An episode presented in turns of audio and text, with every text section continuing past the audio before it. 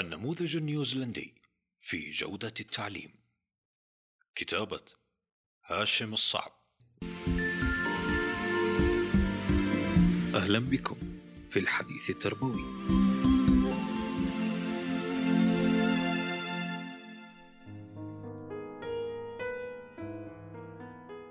تعرف جودة التعليم بأنها عملية إكساب الطلاب المعارف والمهارات اللازمة بالإضافة إلى سلوك عملي تطبيقي يؤهلهم لتحمل المسؤولية ومواجهة المستقبل ويعطيهم القدرة على ابتكار الحلول للمشكلات التي تواجههم.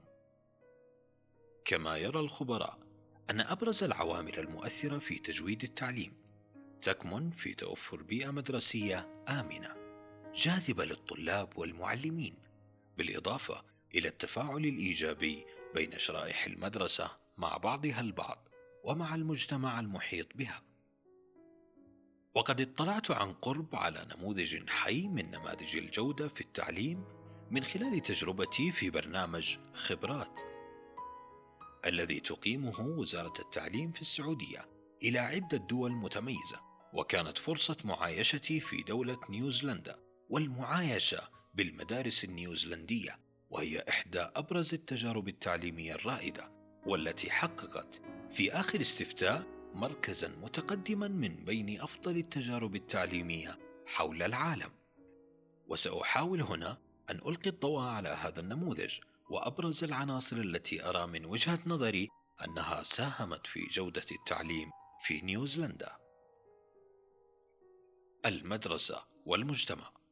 سأبدأ بعلاقة المجتمع النيوزيلندي بالمدرسة والتي جوهرها التكامل والترابط فالمجتمع هو صانع القرار في المدرسة لأن مجلس الأمناء الذي يسيرها ويضع خططها الاستراتيجية ويقوم بدور الإشراف على المدرسة تربويا وإداريا ينتخبه المجتمع ويمثل فيه بعضوين أو ثلاثة كما أن رؤية المدرسة التي تسعى لتحقيقها تنطلق من رغبات واحتياجات مجتمع الأهالي المحيط بها. بالإضافة إلى أنهم يشاركون في عملية تقييم عملها. يساعد على ذلك مكاتب الخبراء التعليمية التي تساهم في تقييم خطط المدرسة وتقدم الدعم والاستشارات بصفة دورية. بيئة مدرسية جاذبة. تساهم هذه العلاقة المتينة التي ذكرتها في رفع كفاءة البيئة المدرسية في نيوزيلندا سواء على مستوى البنية التحتية والمرافق. والتي يراعى في تصميمها وتنفيذها وتأثيثها وتوفر مستلزماتها أقصى احتياجات المتعلمين. وإن كان على مستوى الإطار التربوي والإداري الذي ينظم علاقة شرائح المدرسة ببعضها البعض على أساس مهني احترافي يعزز التعاطي الإيجابي بين الجميع ويؤسس لمجتمع أكبر يسوده تقدير الذات واحترام الآخر والحوار الإيجابي. بين أطرافه ومكوناته ويندرج تحت هذا الإطار ويندرج تحت هذا الإطار قواعد سلسة واضحة تنظم سلوك المتعلمين وتساعد في بناء شخصية الطالب المستقلة المناهج المرنة.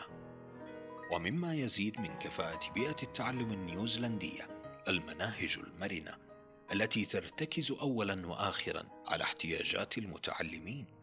وترتبط ارتباطا وثيقا بمجتمع الأهالي المحيط بالمدرسة وتتيح للمعلم والمدرسة صلاحية تخطيط المناهج التي تتناسب مع نوعية متعلميهم وفق إطار عام للمناهج بالتعليم النيوزيلندي تلتزم به جميع المدارس. هذه المناهج في غالبها مناهج عملية تطبيقية تضع الطالب في حالة بحث دائم عن المعرفة وتكسبه مهارات التفكير العليا كالتحليل والتركيب وتعزز مهارة التفكير الناقد اعتمادا على منهجية في التعلم تسمى Teaching for Inquiry أو ما يسمى التدريس بالاستقصاء. مسارات دراسية متعددة. تلعب المسارات التعليمية المتعددة التي توفرها المدرسة النيوزيلندية أمام طلابها دورا هاما في زيادة جاذبية المدرسة وكفاءة بيئة التعلم.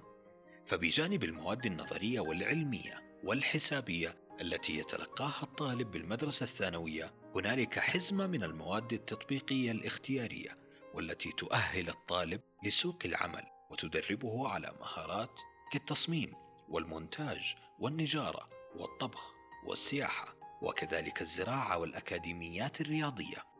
وترتبط هذه المواد بنتائج ومهارات الطلاب في المواد النظرية الأخرى. كما توجد بالمدرسة كل الورش والمعامل الخاصة بهذه المواد التي تساهم في إكساب الطالب المهارات الحياتية والعملية التي تهيئه لسوق العمل بمجرد تخرجه من الثانوية. الشراكة مع القطاع الخاص. وكرافد من روافد الدعم لعملية التعليم. ينخرط القطاع الخاص بشكل كبير في المدرسة النيوزيلندية. من خلال دعم بعض المشاريع الاستثمارية للمدرسة وكذلك في تجهيز ورش المواد التطبيقية والمعامل كما يشارك في عملية تدريب الطلاب واختيار المتميزين منهم لوظائفه. ولعل أبرز ما رأيت في هذا المجال هي ماجز فارم وهي مزرعة بناها أحد البنوك بجوار مدرسة ماجز الثانوية والتي تستغلها المدرسة بجانب الشأن الاستثماري. في تدريس مواد تتعلق بالزراعة والبستنة تساهم في رفض المجتمع المحلي الذي يرتكز على مهنة الزراعة بالأيدي العاملة المدربة من طلاب الثانوية. التقييم والتقويم أنتقل إلى عامل مهم أيضا وهو كفاءة عمليات التقييم والتقويم والتي تتمحور حول الطالب وتراه محور عملية التعلم وترى أن معيار الجودة في التدريس هو في الخطوات التي يمر بها المتعلم أثناء الدرس وليس المحصلة النهائية للطالب. فالمهم في المدرسة النيوزيلندية هو كيف تعلم الطالب وليس ماذا تعلم؟ كل هذه العوامل يرى أثرها عيانا بيانا على طلاب يتوافدون بكل شغف إلى مدرستهم ويلتزمون فيها بأبسط قواعد السلوك.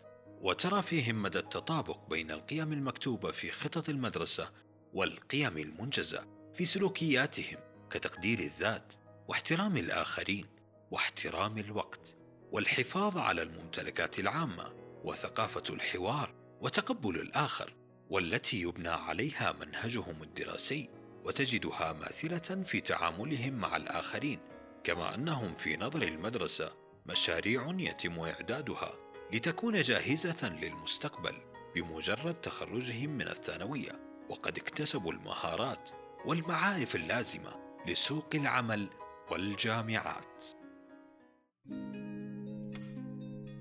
كنتم مع بودكاست المجلة التربوية الإلكترونية. thank you